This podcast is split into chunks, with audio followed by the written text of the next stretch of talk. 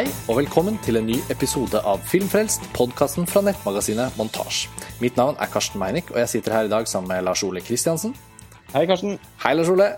I dag skal vi snakke om en eh, klassiker, rett og slett. Bob Fosses All That Jazz fra 1979. Filmen er aktuell med visninger på de digitale cinematekene nå i høst, uh, i en uh, supervakker 4K-utgave.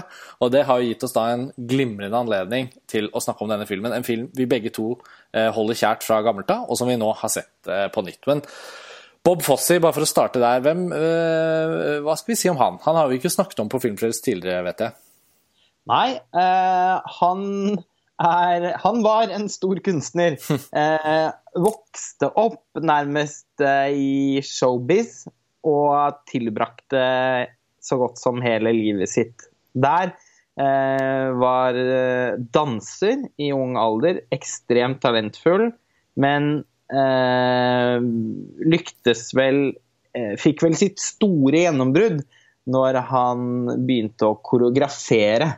Um, altså, han, han, ble jo en større koreograf enn han ble kjent som danser mm. selv.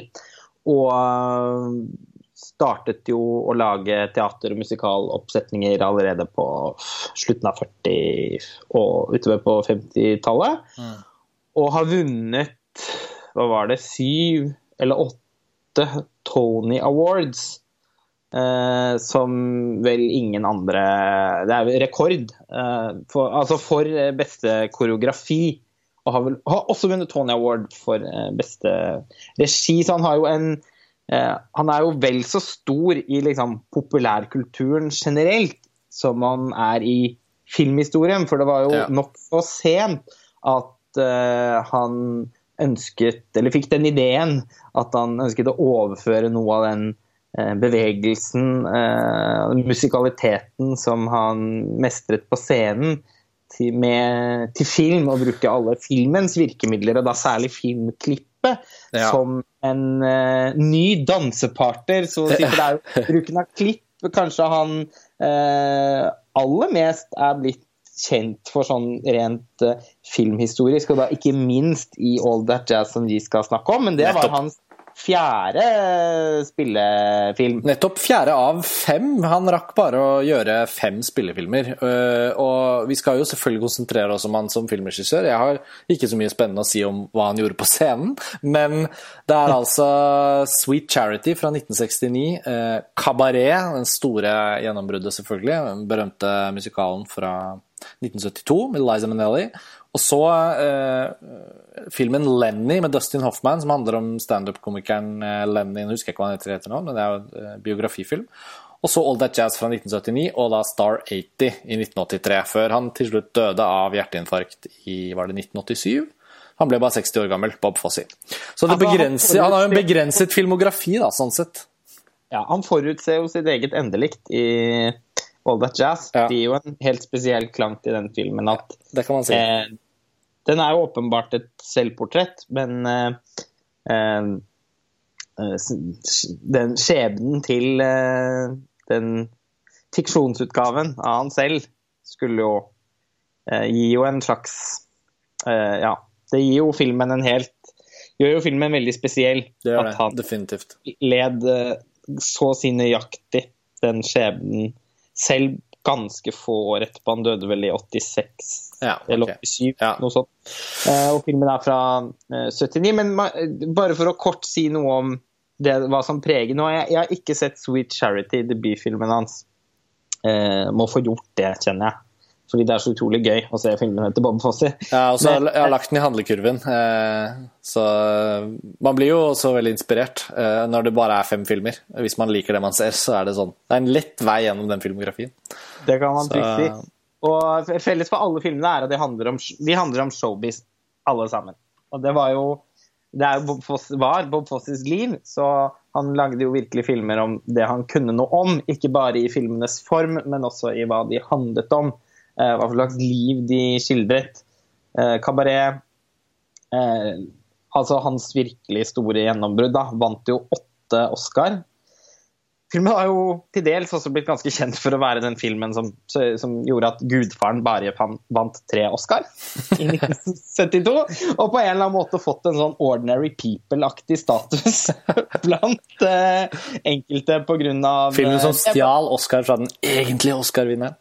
Ja, ikke sant. Så, og Francis Ford Coppola fikk jo da ikke sin regi-Oscar før i Gudfaren del to. Men when all is said and done, så er det helt greit, fordi Cabaret er også en helt fantastisk film.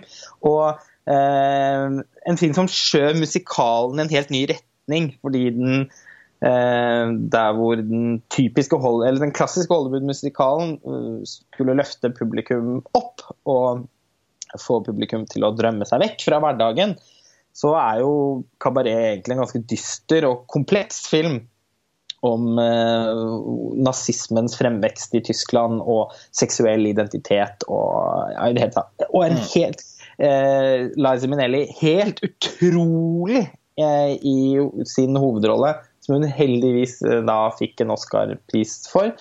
Eh, senere har jo karrieren hennes vært litt sånn opp og ned, jo, men, men, bare altså den, den, rollen hun gjør i den filmen, er, ja, det er noe av det beste, beste jeg har sett. Og så denne Lenny-filmen er jo har jo altså, også en sånn kunst handler jo om Hun er jo da kabaretartist, da, bare så jeg har sagt, i kabaret. Mm, mm, ja. eh, Lenny, om denne standup-komikeren, alkoholisert, eh, problemer med å opprettholde relasjoner til kvinner eh, samvittighet eh, gna, altså, eh, som gnager eh, fordi han ikke klarer altså sånn, Det blir noe veldig motsetningsfylt over eh, hva han eh, ønsker å Eller altså mm.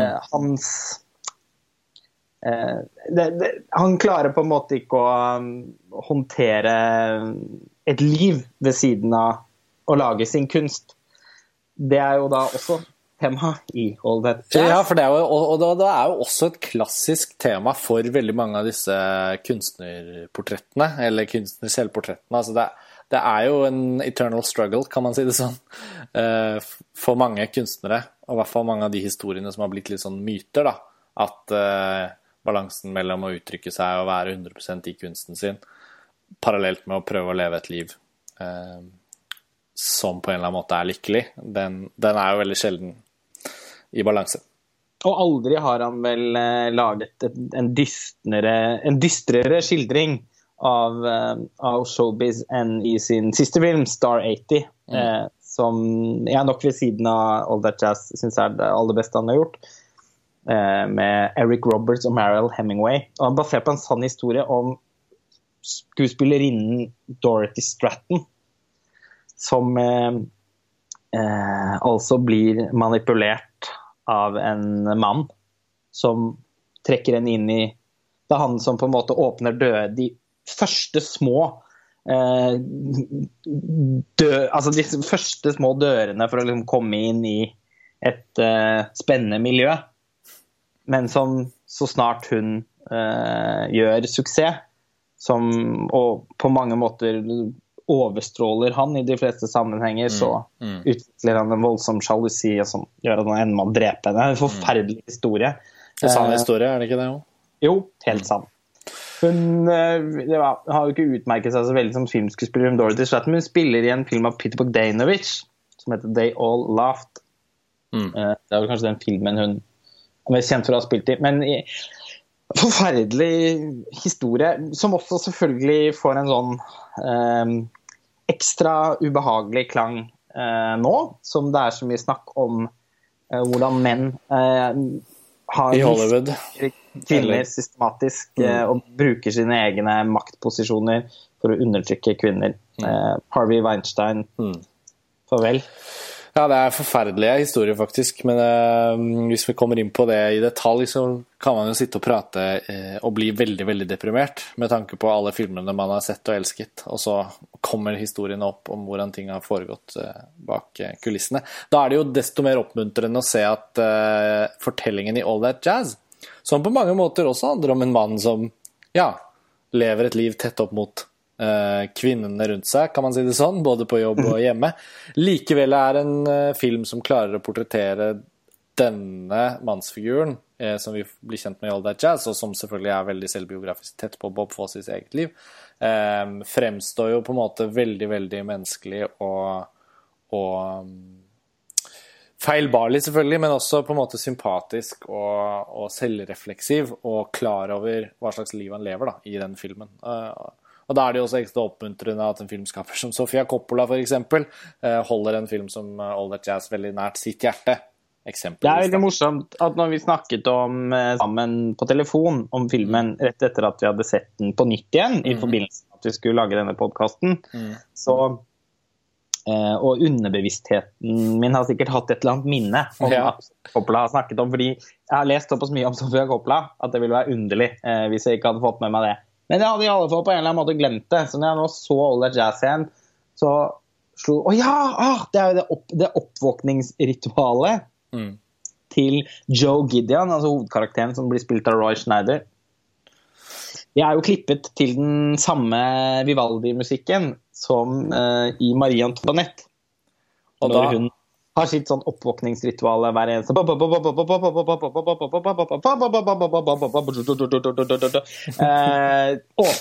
En ganske sånn åpenbar hyllest til That Jazz i Marie Antoinette.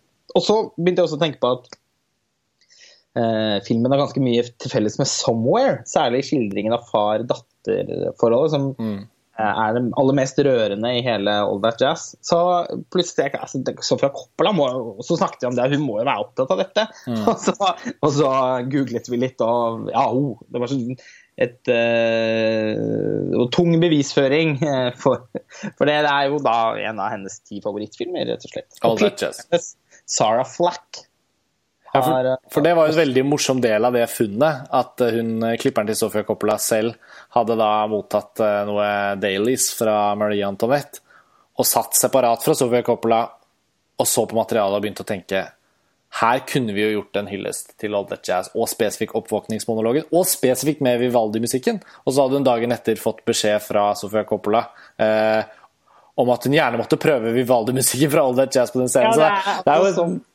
ja, det er herlig å tenke på, og det er jo også et veldig godt eksempel på at All That Jazz holder, er en film som har en veldig veldig høy stjerne i uh, fagmiljøet blant filmklippere, da, rett og slett, som jeg kan si noe om siden jeg klipper selv. Og det er jo Ja, eller bare det er noe Det er gøy. Vi kan jo komme litt inn på rett og slett vårt forhold til All That Jazz sånn i forhold til det, vårt første møte med filmen fra gammelt av, da. Uh, nå som vi har trukket inn Sofia Coppola, og at det er mange, mange som holder denne filmen høyt.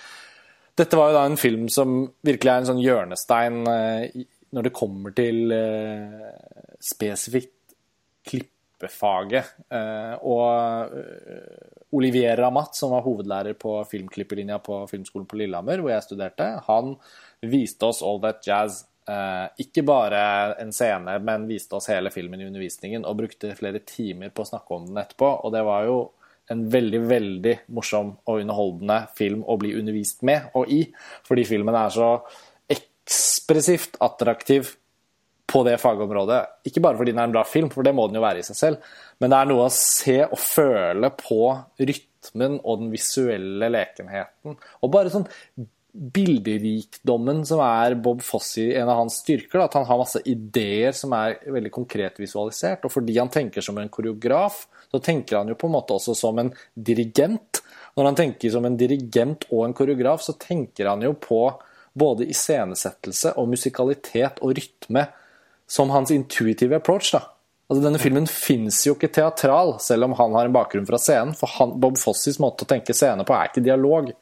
Og, og, og, dermed så frigjøres også denne filmen fra å være en sånn nødvendig dialog um, avhengig, eller eh, at filmen lener seg på dialogens eh, meningsbærende elementer. Istedenfor så er den Klipperen, Alheim, har gjort en helt utrolig da, konst, nesten konstant montasje som på en måte bare flyter av gårde og nesten ikke tar slutt. da.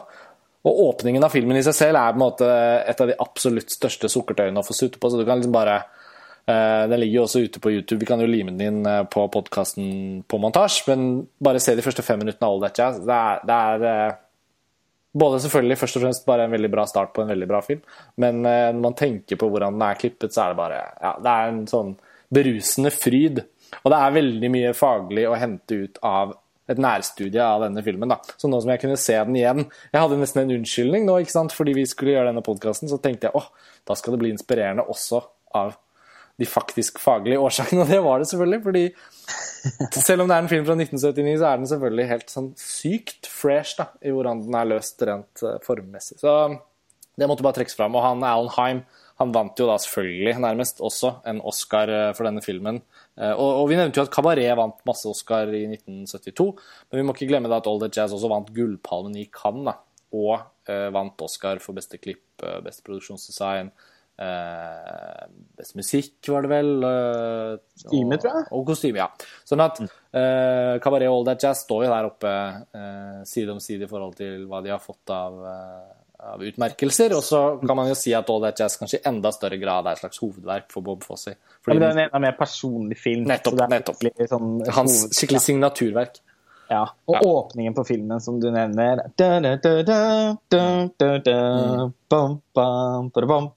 Den låten 'On Broadway' til mm. George Benson. Mm. Altså ho, ja, det, er så, det, er så, kult, vet du. Og det er, er sjelden så bra som uh, det åpningen på den ja. filmen er. Det er helt umulig å ikke se videre. Så hvis dere har lyst til å forsikre dere om at dere skal gå på Cinemateket, så er det jo bare å åpne den linken. Ja, det, det så...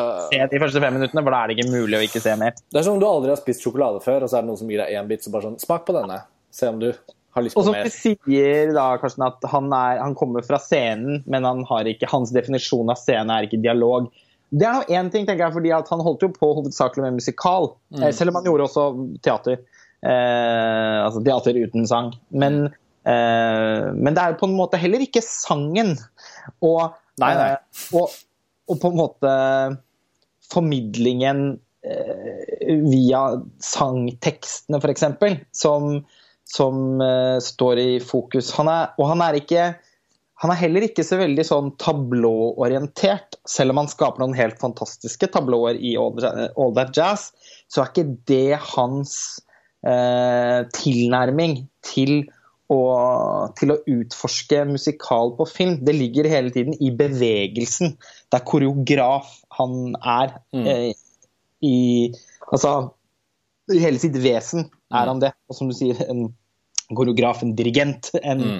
um, Altså Og han er master of ceremonies. Som eh, Og han har i de sekvensene hvor det er sang og musikk og dans, som det selvfølgelig er flere av, mm. så er han overraskende liksom opptatt av eh, hender, altså nærbilder av hender.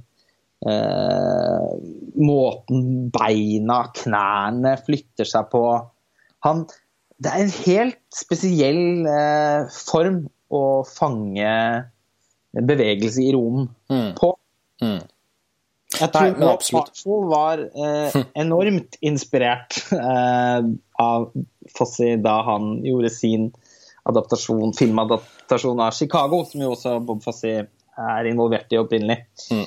Ja, nei, eh, definitivt. Jeg tror Bob Fossi egentlig har vært en veldig veldig innflytelsesrik filmskaper, selv om han av mange selvfølgelig kanskje først og fremst vi huskes som koreograf og sceneartist og den arven. Men det er noe med det, at film, filmmediet er så innmari konkret fordi det er evig, fordi de filmene er der og kan plukkes opp igjen, og nye generasjoner kan se dem. Og de sceneoppsetningene er i større grad noe som glir over på en måte litt i et minne, da, og som blir referert til og som blir skrevet om, men det er veldig vanskelig å få, få sett hvordan det var når man ikke hadde muligheten til å være der den gangen.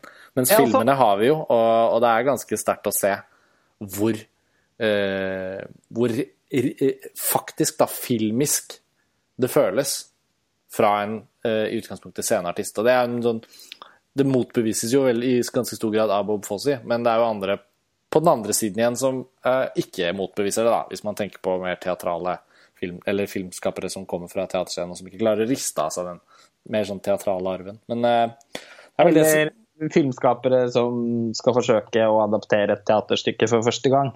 og som Ja. ender opp med å lage fil avfilmet teater. Ja, eller eh, litteraturadaptasjoner hvor man glemmer å tenke film. Så det er det, er det jo dessverre altfor mange eksempler på. Det er færre eksempler på noen som er så geniale som Bob Fossi, som klarer å ta det steget fra en kunstart til en annen, og både ta med seg særtrekket sitt, men også finne ut at hans signatur som filmskaper er superfilmatisk, og, og den, den påvirkningen hans uttrykk har hatt, er jo også interessant i forhold til at eh, både Cabaret og Older Jazz i veldig stor grad er amerikanske 70-tallsfilmer. Men både, og både tar opp i seg mye av den stemningen som var i amerikansk film på 70-tallet, men også skiller seg veldig vekk fra mye av det andre som foregikk. Eh, den føles veldig lite sånn på en måte, Den har ikke den der realistiske, streetwise, eh, på en måte samfunnsorienterte tematikken.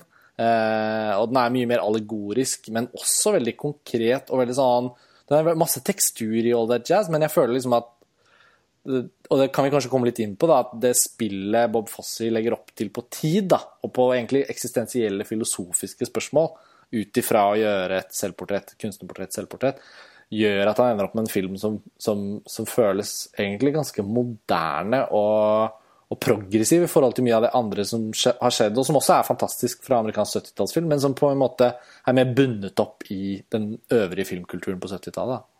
Samtidig så syns han klarer å si i, på, altså, i, i alle de fire filmene hans som jeg har sett, så klarer han på en måte også å si noe om Selv om han alltid har showbiz som utgangspunkt, fordi det er det miljøet han kjenner, eh, så klarer han liksom alltid å si noe om tiden de har laget i, om kjønnsroller, om eh, Altså, han eh, jeg syns det er imponerende hvordan filmene også er så innmari mye mer enn det man tenker at en musikal ofte er. Nå mener jeg ikke å undervurdere den sjangeren, fordi jeg er veldig glad i musikaler. Men eh, det er nå en gang sånn at når eh, Lars von Trier skulle lage 'Dancer in the Dark', så eh, gikk hele det prosjektet ut på at han syntes det ville være artig å endevende en sjanger som i så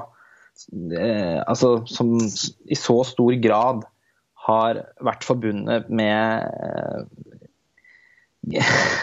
med ja, eskapisme. Uh, som jeg var inne på i stad. Altså det å drømme seg vekk fra virkeligheten når man er på kino. Og i Bob Foster sine filmer så er det jo ikke sånn at noen For det første så er det jo ikke sånn at noen bare bryter ut i sang. Nei. Uh, Og for det andre så er det jo ikke sånn at sangtekstene forteller handlingen. Eh, Og det er jo ofte en måte å komprimere fortellingen på, på nesten, på nesten på samme måten som en montasje, Mm. som er vanlig i musikal. Ta f.eks. i La La Land. Der er det ofte at sånne store sprang i handlingen blir skildret i en sang, eh, som da også blir en montasje i filmen. Og så har vi liksom kommet oss videre.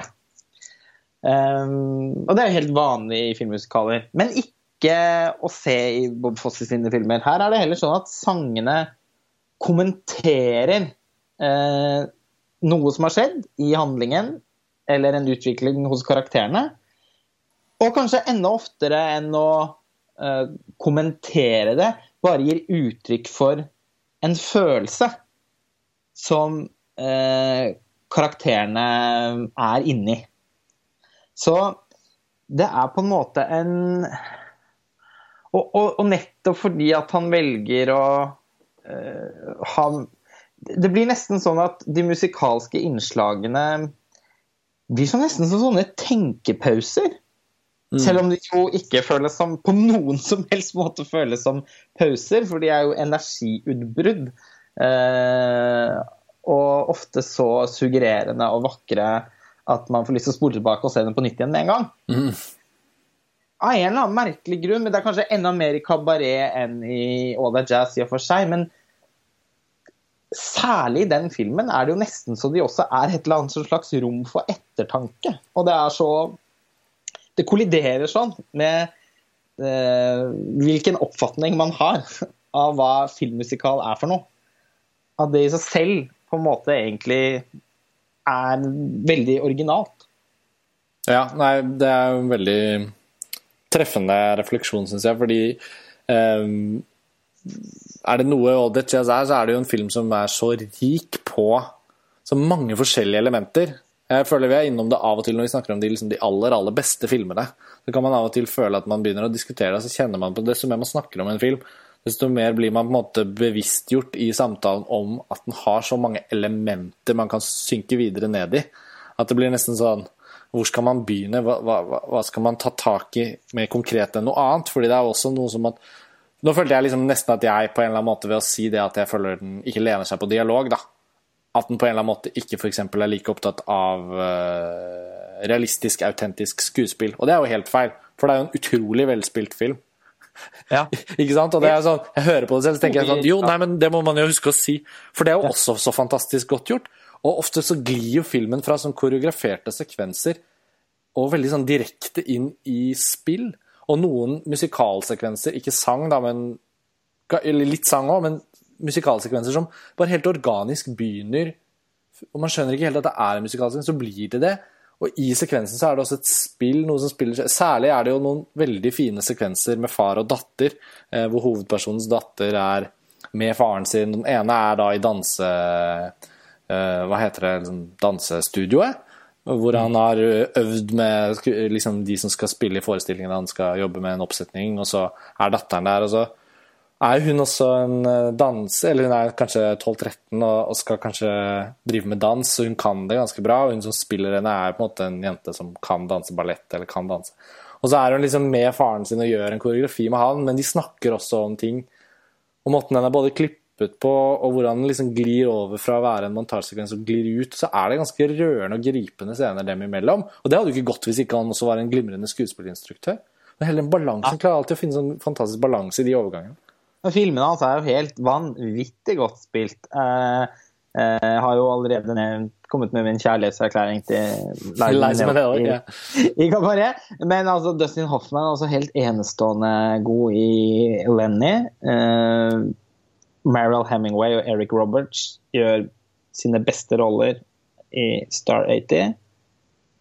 Og, um, og Roy Schneider, da. I, og, og, samspill i All That Jazz. Og samspillet mellom han og datteren mm. er jo virkelig det er det mest rørende i hele filmen. Det er en scene hvor Og han eh, pendler litt sånn mellom to kjærester i filmen. Uh, uh, som han har hatt en stund, og én som er ny. Og som han eh, som, Hun som skal danse i forestillingen hans? Ja, hun er aktuell for den nye forestillingen hans. Ja. Og så er det kjæresten som er på en måte mer permanent, og så er det jo moren til datteren. Ja, og, men hun kjæresten som er litt mer permanent, og datteren, har mm. begynt å utvikle et lite sånn venninneforhold. Og det er en scene i filmen hvor de to har laget en liten koreografi, en liten oppsetning, som de skal vise foran i det eh, New York-studioet. For da skal han jo også ha premiere på den filmen. Han sitter jo også og klipper en film på kveldene når han ikke jobber med koreografien. Og den, ja, og den filmen som heter The Standup, den skal jo da ha premiere, tror jeg det er, og at de skal liksom markere eller gratulere han med dette nummeret, da. Datter og kjæreste. Det er altså så gripende filmøyeblikk eh, at uh, man blir bare helt sånn åh, så bra kan det bli. Når, mm. Og det handler liksom om bare å, å klare å fange blikkene.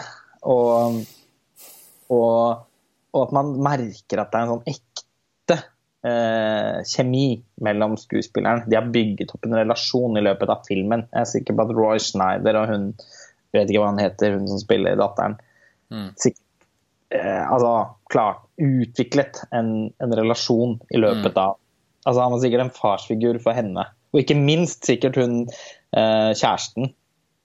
Eh, jeg så Jeg fikk ikke sett jeg fikk ikke sett den, men jeg så på bonusmaterialet på Criterion sin utgave. Mm. At et intervju med hun som spiller eh, den mer permanente kjæresten. Mm. Og Jeg tror hun også var kjæresten til Bob Fossi på ordentlig. Fosse. Nettopp. Mm. Det leste jeg i stad. Ja. ja. Eh, for det, det, hadde Sofia Coppola eh, bitt seg merke i og syntes var eh, ja, det, det var i et intervju med henne som jeg da nettopp leste. Ja. eh, hvor eh, jeg fikk med det. Ja, mm. de, men eh, de to, i hvert fall. Altså hun som spiller datteren, og hun som spiller hun kjæresten. Et intervju med dem sammen. ja. Og jeg bare rakk å se liksom, et par minutter før jeg mm, endte opp med å gjøre noe annet isteden.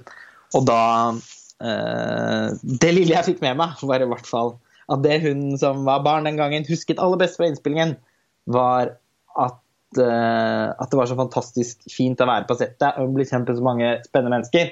Og at eh, hun utviklet et vennskap med hun skuespilleren. Mm.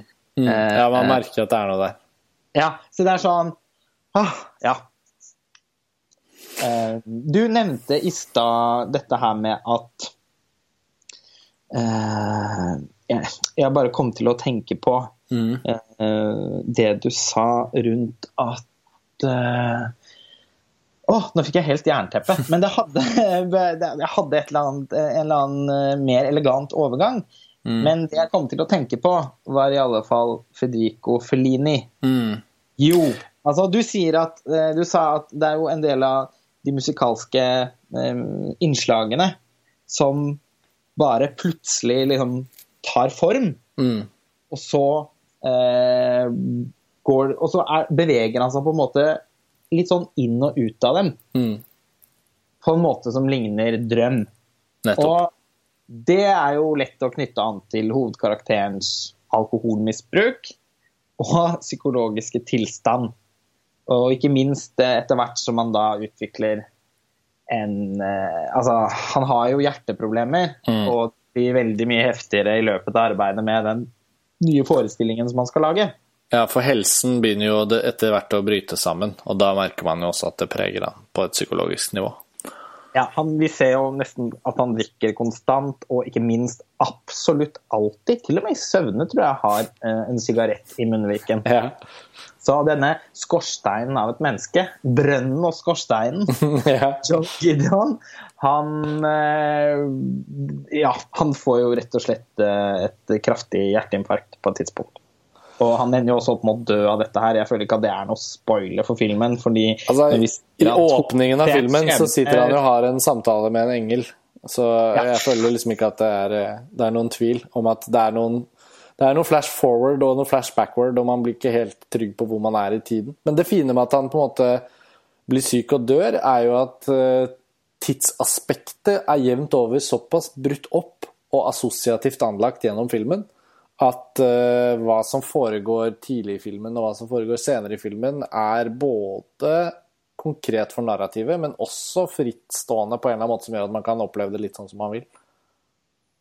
Ja, eh, absolutt. Og, og filmen er jo ikke, bare så det er sagt, den er jo veldig enkel å følge. Kanskje Veldig. fordi at den er i så kontakt med følelsene den beskriver, Mm. så klarer den også å bevege seg veldig mm, følsomt og, Ja. og elegant. Eh, i, man Jeg føler jo ikke at han har laget noe sånn slags den er ikke På en eller annen underlig måte så er den jo heller ikke overstilisert i verken måten den er fortalt på eller iscenesatt. Nei, altså det er noe med kommunikasjon Og ja. Ja, altså, det, det, jeg skulle bare si at eh, jeg føler at han, han har jo også utrolig god smak når det kommer til samarbeidspartnere. Eh, vi var jo så vidt inne på han Alan Heim, klipperen hans. Og han er jo en klipper som han har gjort mye, mye annet bra også. Eh, men han jobbet jo med Bob Fossi på Lenny og på denne og på Star 80. Og han er på en måte ikke en flashy klipper. På den, I den forstand at jeg føler at selv om filmen har en veldig påtagelig klippeestetikk som er attraktiv, og man blir veldig revet med han, så har han en veldig sånn pragmatisk og litt sånn øh, logisk øh, stil, som det virker som Bob Fossi også er veldig opptatt av å dyrke i klippen. Og så kan man se på bildene og fotoarbeidet, og der er det jo også øh, til å ha så mange miljøer hvor det helt sikkert ville fristet til å gjøre mye mer flashy, eh, visualisert estetikk, så virker det som om samarbeidet Bob Fossi har hatt med Giuseppe Rotunno, da, som, som jo da var Federico Fellinis fotograf i en lang periode, eh, har også på en måte funnet en sånn avbalansert holdning til, til det vakre og det skjønne og det man egentlig kunne gjort veldig mye, mye mer ut av, men også funnet en sånn nedtonet eh, versjon av det. da. Ja, for nå kommer vi inn på Feline igjen. Ja, da, for vi må jo dit.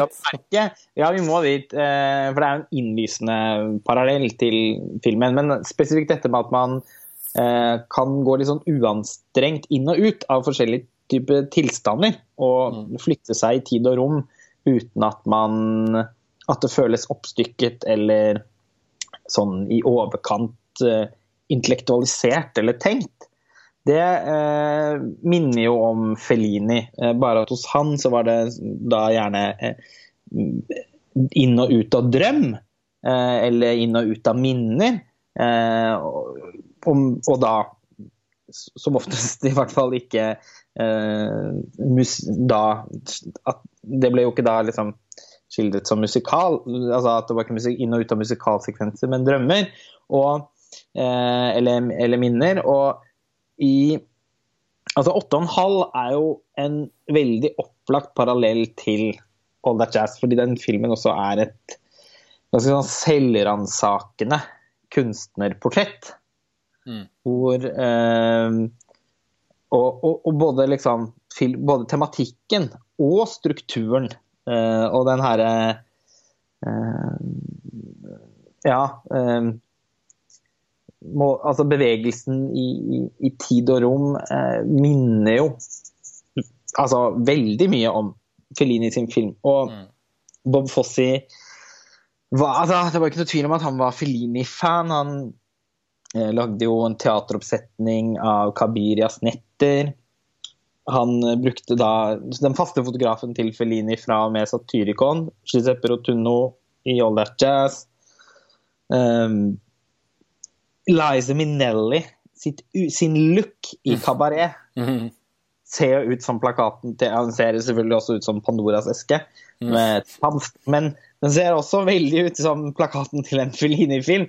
Logoen eh, til i fort, altså, lo, altså typografien i fortekstene til Kabaret er så å si eksakt den samme som Amarcord.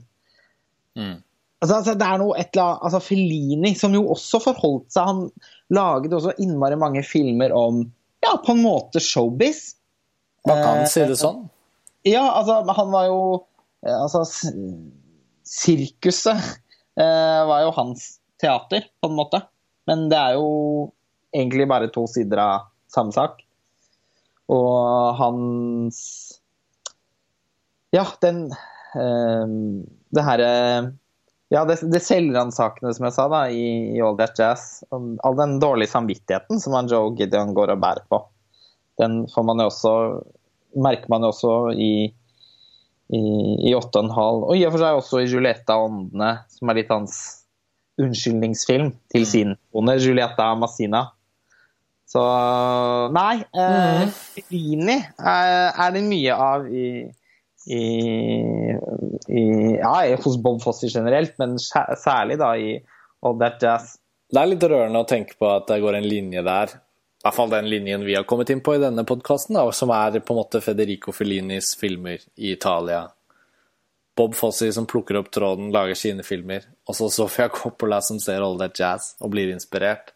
Og så har vi hennes filmer som er veldig innflytelsesrike på unge filmskapere fra vår generasjon som har sett og, og laget film på 2000-tallet. Altså sånn, noen ganger når man kommer på sånne linjer av hvem som har Sofia Coppola som selvfølgelig også har vokst opp eh, i showbiz. Ja, ja, Altså, selvfølgelig. selvfølgelig. Det bare limer seg på det alt det andre. Men noen ganger kan jeg bli litt sånn ja, Det kan føles litt sånn Ja, rørende er kanskje å ta i, da. Men jeg liker når det oppstår sånne Fordi man vet jo at de er der, men av og til så bare kommer man på de der linjene. At liksom Å ja, der var det en linje fra, fra den filmskaperen via den til den. Og sikkert kunne man tilknyttet nå en fjerde filmskaper som er inspirert av Sofia Coppola igjen, og med kanskje samme showbiz-element. Men eh, nei, det, Fellini spiller inn også Altså 8,5 er jo kanskje en åpenbar en, men, det- men det er noe med den derre the Jazz preges jo av en sånn blanding av den veldig eh, konsentrerte og egentlig litt sånn disiplinerte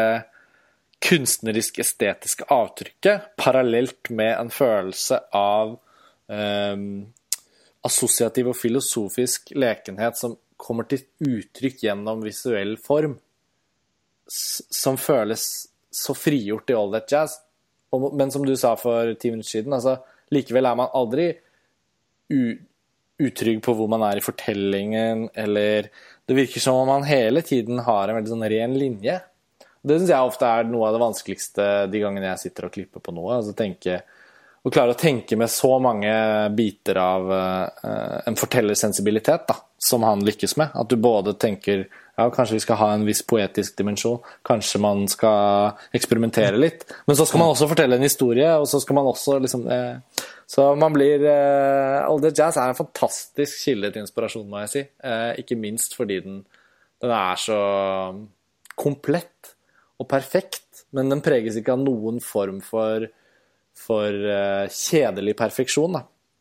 Nei, og den er veldig Og den er eh, Altså, den er veldig sånn rund i kantene og sjenerøs. Og, og, til å være på en måte en film som så lett kunne blitt veldig selvopptatt, mm. så syns jeg den eh, Den er god på å være tydelig når det trengs. Mm. Og et par steder kan det på en måte grense over i det nesten banale, som f.eks. dette erindringsrommet. Med engelen. Ja. ja det, hvis man skal nevne noe. et slags, bokstavelig talt, et sjelens roteloft. Det ser ut Ja, det er veldig bokstavelig òg. Ja, det, er det eneste som mangler, er et skilt på veggen hvor det står det. Ja, det er, og det, det ligner jo på en måte Altså, han eh, JF Sebastian i Blade Runner. Den leiligheten hans. Ja, Hvor Daryl Hannah fryser og prøver å, prøver å utgi seg for å være en dukke. Yes. Eh, hele den looken i den leiligheten, mm. den uh, kan nok hende at hentet litt inspirasjon fra, ja. fra, fra Gideons uh, Eh, ja, Ridley, Ridley, Scott må vel ha vært på kino og sett All That Jazz sånn. Når han, når han, akkurat var ferdig med Alien. Nei, nå skal vi ikke Nå blir så Nå glir vi jo selvfølgelig over i det politiske i måten ja, vi lager paralleller på. Men ja. i alle fall, det er mest bare for å beskrive eh, hvordan det ser ut. Da. Eh, veldig sånn forlatt, spøkelsesaktig. Noe sånn eh, barokke møbler halvknust i noen hauger. Eh, noe slør her og der og Jessica Lang. Ja. Eh, engle, engle. Rollefigurene hennes heter vel også Angelique, hvis ikke ja. feil. Så jeg klart at her er ikke filmen eh, på sitt eh, mest sublime, men uh, samtidig så Jeg vet ikke, jeg vet å sette litt pris på den tydeligheten òg. Ja, jeg, jeg, kjøper det 100% men nå Jeg syns det funker veldig bra i, i, forhold til Altså, i denne filmen så er det helt riktig at det er på den måten. Det er fordi... jo med helt, helt, helt fra starten av. Det er jo et av de aller første elementene av filmen vi introduseres for. Ja, og så er det Altså, hovedkarakteren rekker på en måte aldri helt Han har så mye å gjøre hele tiden at han aldri egentlig helt rekker å tenke på seg selv. Og, og, og se liksom eh, livet sitt eh, i, med litt andre perspektiver enn det han er akkurat inni. Så når det skjer, så er det jo på en måte enten virkelig et uttrykk for panikk og angst, eller eh, så er det fordi han eh, regelrett bare er så stresset at han drømmer seg vekk fra den situasjonen som han er i. Og da er det jo også sånn at vi mennesker kan bli litt sånn banale i måten å tenke på. Mm. Og, og, sentimentale i, eh, i, måten å se oss selv og, og livene våre på. Så sånn sett så syns jeg også det evner å fange noe som er litt sant. Mm. Ja, det er, det er jeg enig i. Absolutt. Vi er jo litt sånn eh, nærmere oss slutten nå. Eh, og det, jeg føler hver tråd man starter på, er en sånn er en sånn del av filmen man får lyst til å si veldig mye mer om. Men, men eh, det har vel ikke akkurat vært noen tvil om at vi, vi har veldig sans for akkurat denne klassikeren. da. Og når den først popper til overflaten, sånn som den gjør nå i høst, på cinematekene, så er det jo, er det jo også sånn at man merker at det er jo ikke sånn at Bob Fossis filmer er fremme i, fremme i bevisstheten og fremme i samtalene våre sånn jevnlig, egentlig. Slettes ikke. Og um, jeg har jo ikke Han er nok også på en måte en filmskaper som må bli servert for Mm. at uh, yngre generasjoner, inkludert oss selv, Ja. skal, skal oppdage han. Eh, det har jo En ting er kabaret, som er en sånn Altså, det er en sånn stone cold classic. Mm. eh, som er, den, den er så innarbeidet liksom, eller så i populærkulturen. Ja. Så den føler jeg ikke at det er så farlig med. Men, men akkurat All That Jazz er en sånn film hvor det er veldig betydningsfullt at Criterion har valgt å, eh, å restaurere den. Ja, det, be, det betød mye at den kom ut på Criterion. Selv om måten jeg oppdaget filmen på back in the days, eh, det var egentlig Det var to ting. Det var at du hadde sett den på filmskolen. Ja. Eh, og med din lærer Olivier, Ja. og fortalte eh, veldig levende om hvor spennende den filmen var. Og så var det Martin Scorsese i sin 'Journey Through American, ja, han har brukt litt ja. på den. Three, Ja, nå, roter jeg litt med titler her, men uh, Journey through American cinema, er det ikke det? American Movies. American Ja. Movies, ja. Ja. Ja, Han er opptatt av Bob Fosse, og han er særlig opptatt av All That Jazz. Og hans presentasjon av filmen der, den gjorde veldig inntrykk på meg. Men det er ikke nødvendigvis en altså, det, det at Criterion virkelig har, har, har, tatt, har gjort filmen til, til en av sine, det tror jeg er ganske stor betydning. Og en ja. veldig nydelig eh, Altså, en, en, Restaurering. Ja. Ja, den ser jo så bra ut at det er nesten til å grine av. Eh, det er bare tre år siden den kom ut på Criterion, og, og det er jo nok den samme restaureringen som da cinematekene skal vise. Eh, men da jeg ble vist den på filmskolen, bokstavelig talt, så hadde altså læreren min filmen på VHS. Så det var jo Ja, det er sant. Eh, men, det er jo også, er jo også på en måte ti år siden, da. Og det var jo ikke så sjeldent at det dukket opp en VHS i 2007 som i 2017. Jeg minnes jo med skrekk og gru selv når vi, at eh, det fra tid til annen var sånn at eh, lærerne på filmvitenskap Man hadde et par av dem. For det var som- som det- så mye enklere å finne det spesifikke klippet Ja, eh, uten at det forsvant igjen når man puttet inn denne vanskelige DVD-en og Nettopp. og For det man må huske er den generasjonen som lærte, som jeg tror underviste både på filmvitenskap for deg og, og på filmhøgskolen hvor jeg gikk, eh, de var jo da fra en såpass mye eldre generasjon at hvis de først hadde da en viktig klassiker på VHS, så var ikke da den nødvendige oppdateringen til DVD var ikke sånn påfallende nødvendig, tror jeg, for dem. Så, så, så selv om det så ja, så jeg tror faktisk All That Jazz fantes i en DVD den gang, men, men det var da ikke blitt oppdatert. Så på det. 80- og 90-tallet så satt man altså på filmvitenskap eh, på, på Lillehammer og i Trondheim og alle andre steder i verden. Og, øh, og så filmer, ofte i pan scan på VHS, og analyserte bildekomposisjon.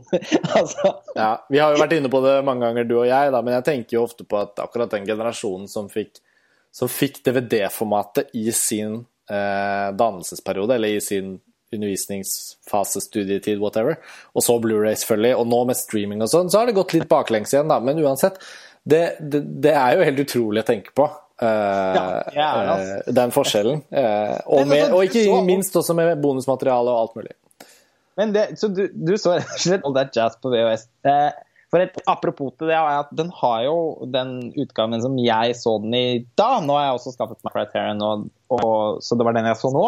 Men da jeg har sett filmen tidligere, så har jo det vært på også en relativt uh, utmerket uh, 20th Century Fox-DVD, som jeg mener bestemt at var tilgjengelig den gangen. Ja, men misforstå meg rett. Jeg, mente ikke, jeg husker ikke den visningen første gang da jeg så den uh, i eh, undervisningssammenheng på VHS, at det var noe dårlig kvalitet, egentlig. Jeg, Nei. Det var jo en bra VHS, sånn sett. Den var forhåpentligvis ikke pan scan, da. Det var Nei, det, det, var, den, det, det var den ikke. Det, jeg husker den var veldig flott. Og, sånn. og det var jo på lerret, selvfølgelig, fordi vi var jo bra kinoforhold sånn sett. Men, men litt sånn god gammeldags VHS-kornet støy der i kantene.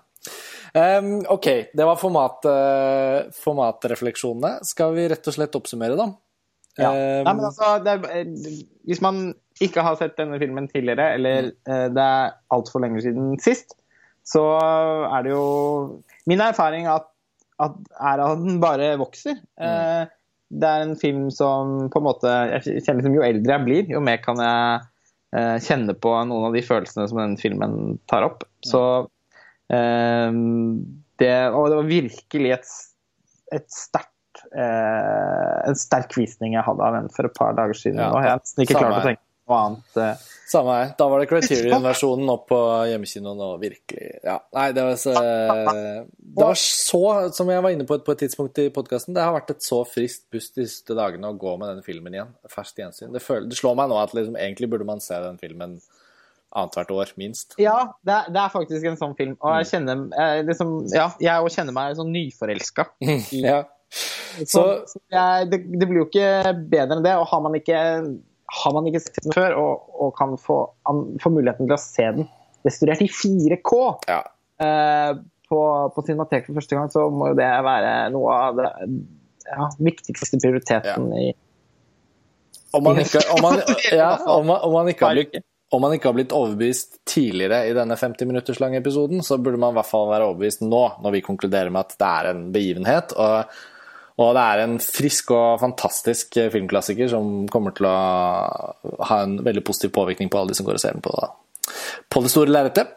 Um, Vi stopper der. Ja, vi stopper der. Det var det for denne gang. Takk for at dere hører på Filmfrelst. Vi er tilbake med ganske hyppige episoder nå utover høsten. Eh, Vi har ligget litt sånn i planleggingsmodus for en del av det som skal komme. Vi kan, eh, det er mye å glede seg til, tror jeg vi kan love.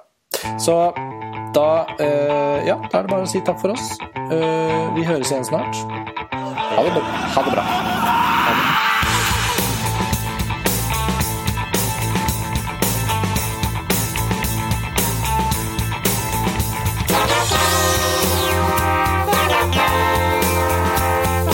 Yeah.